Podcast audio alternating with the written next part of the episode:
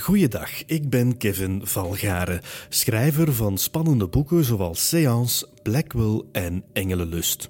Ook ik wil graag mijn steentje bijdragen in deze moeilijke tijden, waarin mensen zich noodgedwongen van elkaar moeten distancieren en de verveling soms genadeloos toeslaat. Daarom heb ik samen met uitgeverij Lano besloten om dagelijks een hoofdstuk voor te lezen uit Seance, een bovennatuurlijke thriller die in 2016 verscheen. Vandaag lees ik hoofdstuk 21 voor van Seance.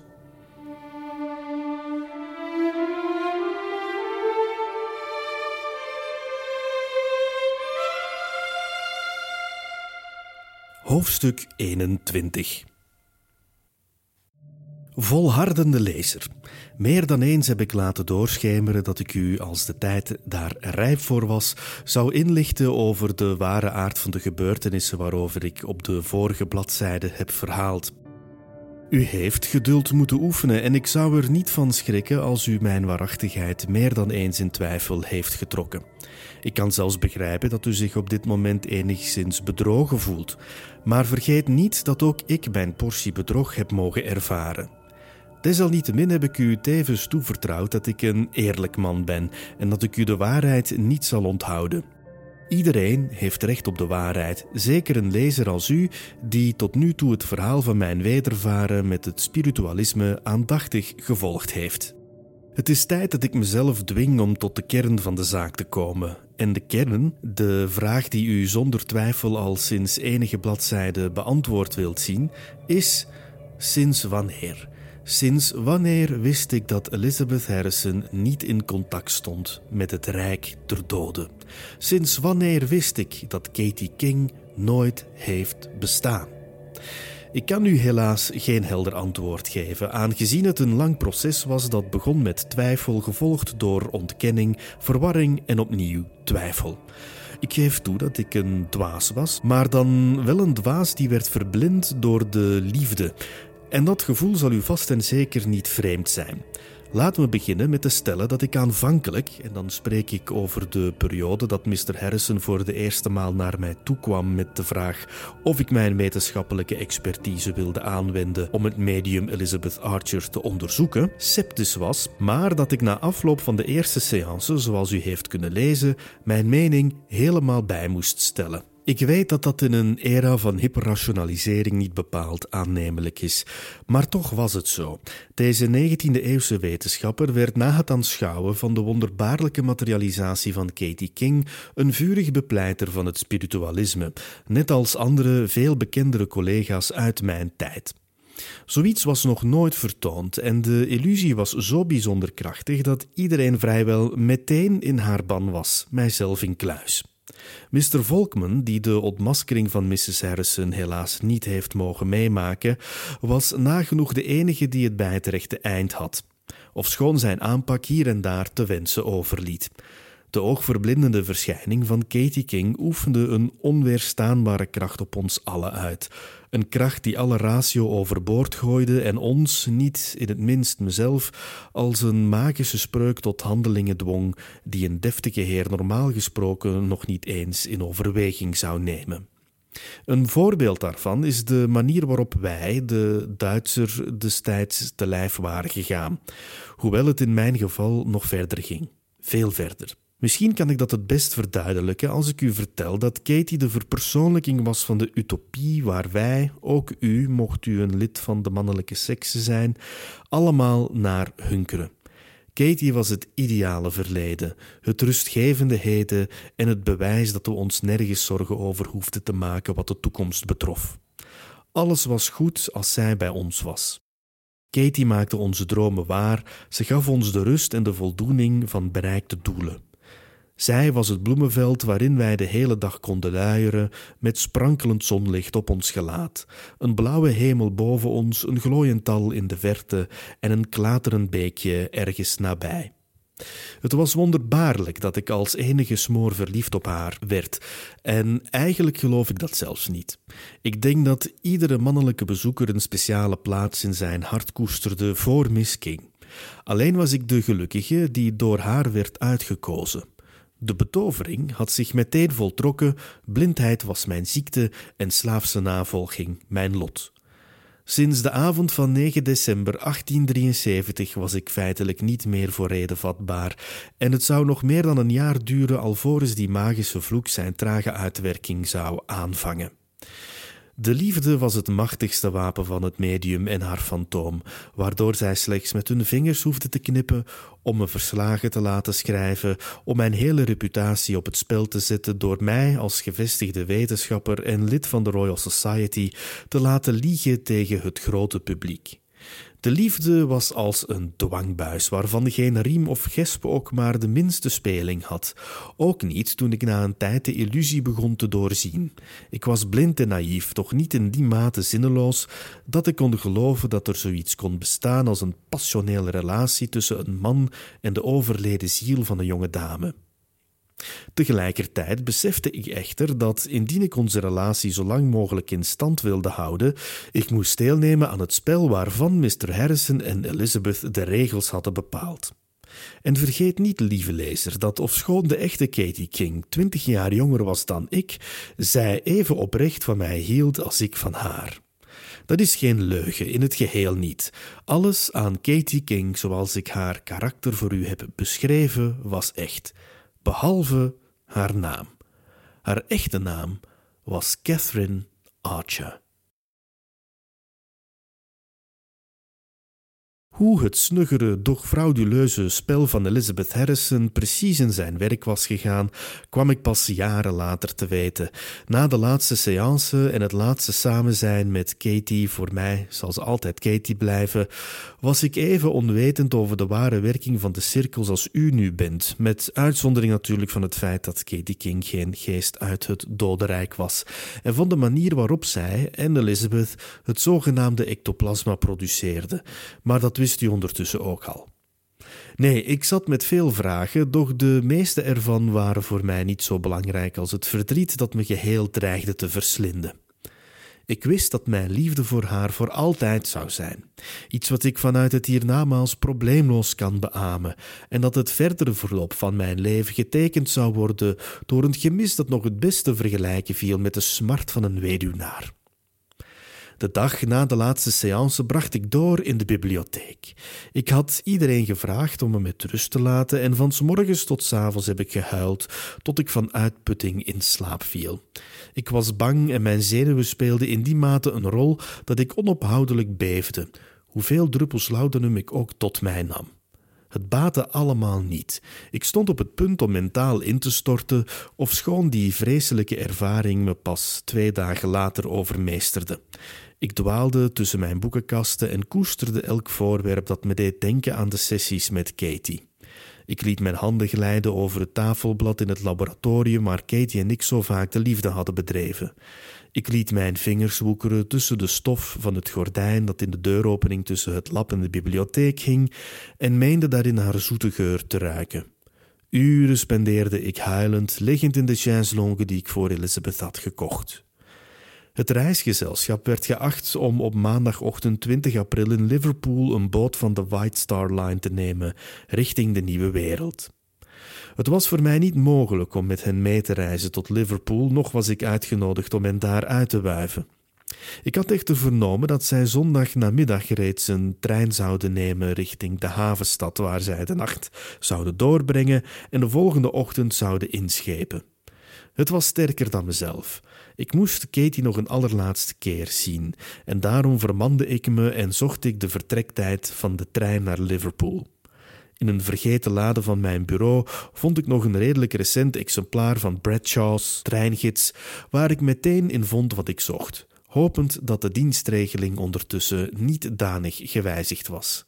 De familie Archer had een afspraak met het openbaar vervoer om kwart over drie in de namiddag. Euston Station was een flink half uur wandelen vanaf Gov Square via Russell Square en de Tavistock Square Gardens. Ik had me niet al te warm aangekleed, want de zon brandde op maximale lentekracht. Grijze wolken en nimmer ophoudende regen hadden meer bij mijn gemoed gepast, maar het lenteweer had de voorkeur gegeven om zich te schikken naar de vrolijke mensen van Londen. Tegen de tijd dat ik de poort van het station had bereikt, een hardstenen imitatie van een Griekse tempel, was mijn sombere toestand er niet op verbeterd. Hoewel ik moet toegeven dat de wandeling me enigszins deugd had gedaan. Uiteraard was ik veel te vroeg en kuierde ik doelloos door de aankomsthal. Om de dertig seconden wierp ik een blik op de grote klok met zwarte stalen wijzers die boven de loketten hing waar je kaartjes kon kopen. Ik zocht het perron op van de trein die mijn Katie een uur later zou ontvoeren. Een monster van ijzer en staal dat met een verschrikkelijke snelheid een afstand tussen ons zou kweken die nooit meer te overbruggen viel. Het gevaarte stond al klaar op het perron.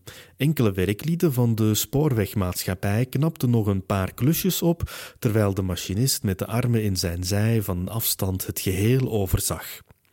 Er kringelde een dunne slierte rook uit de schoorsteen en af en toe ontsnapte er een zucht van stoom uit de zijkanten van de locomotief. Ik bezocht de stalletjes met lekkernijen, bloemen en tijdschriften die her en der in de hal waren opgesteld. Maar er was er niet één die echt mijn aandacht trok. Een trein arriveerde en mensen stapten onhandig uit de wagons. Sommige van hen sleurden een half huishouden met zich mee. Ik zag een jonge man herenigd worden met zijn lieftallige vrouw. Het decorum kon hun gestolen worden en ze vielen in elkaars armen en bedolven elkaars wangen onder de kussen. The train gave and the train hath taken away. Blessed be the name of the train. Het scheelde niet veel of ik werd overmeesterd door een hysterische bui waarin lachen werd afgewisseld met huilen, maar ik wist me te vermannen. Op die manier bracht ik de tijd door tot ik enkele bekende gezichten de aankomsthal zag betreden. Heel even verstijfde ik. Ik stond in het midden van de hal en riskeerde onmiddellijk door hen te worden opgemerkt als ik mij niet snel genoeg uit de voeten maakte. Zo onopvallend mogelijk wandelde ik naar een zuil op geringe afstand van het perron, waar de trein naar Liverpool reeds stond te puffen als een paard dat dadelijk een wedstrijd moet rennen. Vandaar dat ik een ideaal zicht op het gezelschap zonder dat ik hen met mijn aanwezigheid diende lastig te vallen. Het had iets pervers, zoals ze het perron naderden. Mr. en Mrs. Archer liepen voorop samen met Charles Blackburn. Ze waren getooid in hun beste kleren en ik was er zeker van dat Mr. Blackburn die voor hen had gekocht, speciaal voor deze gelegenheid. Ze keuvelden, lachten en zagen er compleet gelukkig uit. Er was geen bagage wat erop wees dat hun toebehoren via een andere weg naar Liverpool werd vervoerd. Enkele passen achter hen liep een stralende Mr. Harrison die met zijn tijdschrift een heel nieuwe toekomst tegemoet ging. Hij liep arm in arm met zijn vrouw, Mrs. Elizabeth Harrison, die hem af en toe een woordje toefluisterde waar hij vrolijk om moest grinniken. En aan zijn linkerzijde liep Catherine Archer de drie jaar jongere zus van Elizabeth, die als twee druppels water op haar leek, met uitzondering van haar blonde lokken, en wier bestaan in naam van het spiritualisme angstvallig geheim werd gehouden. Catherine Archer, mijn Katie King, de vrouw van wie ik voor de rest van mijn leven zou houden. Ze was de enige van het gezelschap die niet deelde in het geluk en de spannende vooruitzichten die hun te wachten stonden. Ze zag er nog bleker uit dan ik van haar gewend was, maar waarschijnlijk was dat te wijten aan het feit dat ik haar die middag voor het eerst zag in een donkerblauwe jurk, die haar beeldig stond, doch in schril contrast stond met de eenvoudige witte jurk waar ik haar altijd in had gezien en die ik regelmatig van haar spectaculaire lichaam had mogen rukken. Haar gelaat was grotendeels verborgen onder een sluier, om te voorkomen dat een voorbijganger haar zou herkennen als het nationaal vermaarde fantoom dat ze was geworden. Maar aan de manier waarop ze haar heupen bewoog en haar armen naast haar lichaam hield, kon ik meteen afleiden welk gezicht daarachter die sluier verborgen ging. De tranen sprongen in mijn ogen en diep van binnen uitte ik de wens dat ze nog één keer naar mij zou kijken. Misschien moest ik een stap naar voren zetten, zodat ik duidelijker zichtbaar voor haar werd, maar mijn benen wilden niet meewerken, waardoor ik verscholen bleef achter de Griekse kolom. Ze zag me niet en was zich er niet van bewust dat ik vlak bij haar was. Door een film van traanvocht volgde ik de reizigers naar het perron, waar ze één voor één instapten in de voorste wagon van de trein. Katie stapte als laatste in en keek nog een keer achterom. Ik kan natuurlijk alleen maar raden naar de reden waarom ze dat deed. Misschien wilde ze nog een laatste blik werpen op het Londen waarin ze was geboren en getogen. Misschien koesterde ze inderdaad de hoop dat ze mij daar zou zien staan, naar haar wuivend en haar een handkus toewerpend. Mr. Harrison stak zijn hand uit en hielp haar het trapje op naar de eerste klas coupé. Katie King werd aan mijn zicht onttrokken en dat was de laatste keer dat ik haar zag. Ik wachtte tot tien minuten later, begeleid met het hevige puffen van de stoom en het uitbraken van zwarte rook uit de schoorsteen, de trein het perron verliet en gestaag aan snelheid won. Als een slang die haar hol verlaat, zocht het monster van ijzer en staal de open lucht op, verliet de glazen overkapping van het station en verdween tenslotte achter een bocht. Ze was weg en er restte mij niets meer. Compleet geknakt wist ik met moeite terug te keren naar nummer 17 Gough Square. Het was toen ik daar aankwam dat ik volledig instortte. Mijn huis werd mijn gevangenis. Ik sloot me op, nestelde me in een hoekje van de kamer en drogeerde me met enkele slokken laudanum en een grote hoeveelheid brandewijn. Ik negeerde mijn vrouw en mijn kinderen en joeg Mary met een ziedende blik de studeerkamer uit toen zij uit bezorgdheid een poging ondernam om mij een lichte lunch te bereiden. Huilen deed ik niet meer. Daarvoor was mijn lichaam veel te zwak geworden. Het enige wat ik kon doen was als een levende dode voor mij uitstaren. En af en toe, als ik de energie had om de laatste editie van de Spiritualist vast te houden, bladerde ik naar de afdruk van mijn artikel, dat werd verlucht door de drie foto's die William Harrison had genomen tijdens de laatste seance.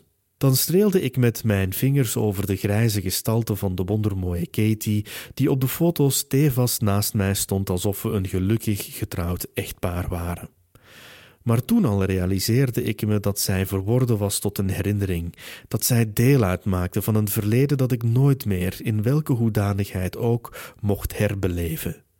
Als ik niet zo'n zwakkeling was geweest en als ik niet had geweten dat Katie King zich niet in het rijk der doden bevond, dan had ik me misschien wel van het leven beroofd. Het was in ieder geval een verfoeilijke gedachte die af en toe de revue passeerde, maar achteraf bekeken kan ik daarover alleen maar zeggen dat het gelukkig bij een gedachte bleef. Niet alleen hartepijn was de oorzaak van mijn verwoestende zwaarmoedigheid. Ook andere verwijten adresseerde ik aan mezelf in die periode van uitzonderlijke labiliteit.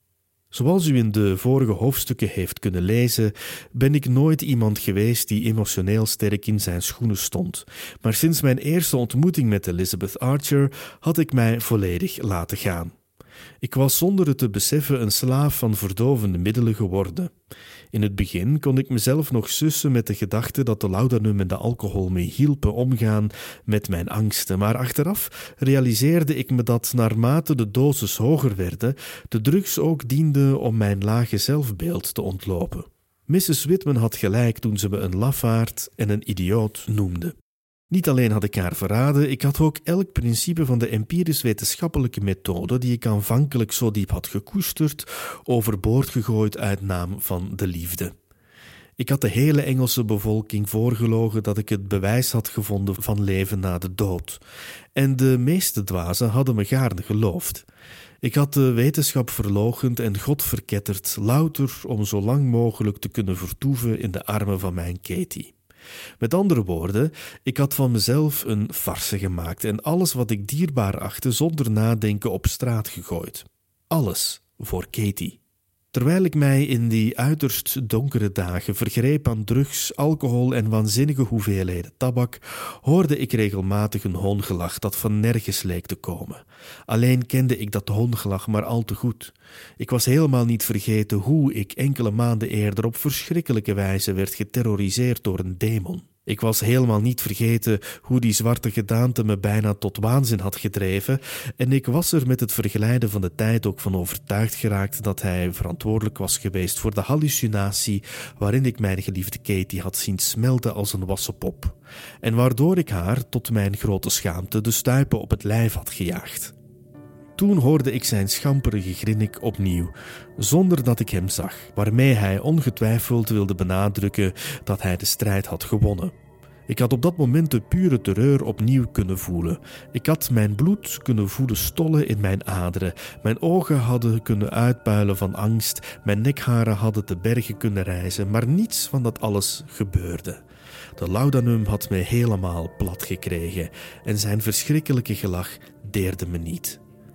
Ik was een verloren ziel die niets te verliezen had en daarom kon niemand, zelfs geen bovennatuurlijk wezen, mij raken op welke wijze dan ook. Toch herinnerde de verre aanwezigheid van de sarme eraan dat, hoewel de seances van Elizabeth berusten op een leugen en dat Katie King de jongere zus van het medium was, ik wel degelijk een ontmoeting had gehad met een schim van gene zijde. Mijn onderzoek mocht dan gebaseerd zijn op een leugen. Er bestond desalniettemin iets dat niet thuis hoorde in de wereld van het zintuigelijk waarneembare. Te meer omdat ik niet de enige was die er getuige van was geweest. Ik was niet vergeten dat ook mijn dochter, Juliet, ofschoon ze er later nooit meer over heeft gesproken, hem had gezien. Om nog maar te zwijgen over het feit dat die duivel me nooit meer echt met rust gelaten heeft. Dat was het voor vandaag. Morgen lees ik hoofdstuk 22 voor van Seance. Koester uw gezondheid en geniet van het leven. Voor meer informatie over mijn boeken kan u terecht op www.krvalgaren.com. Bedankt om te luisteren. Dag.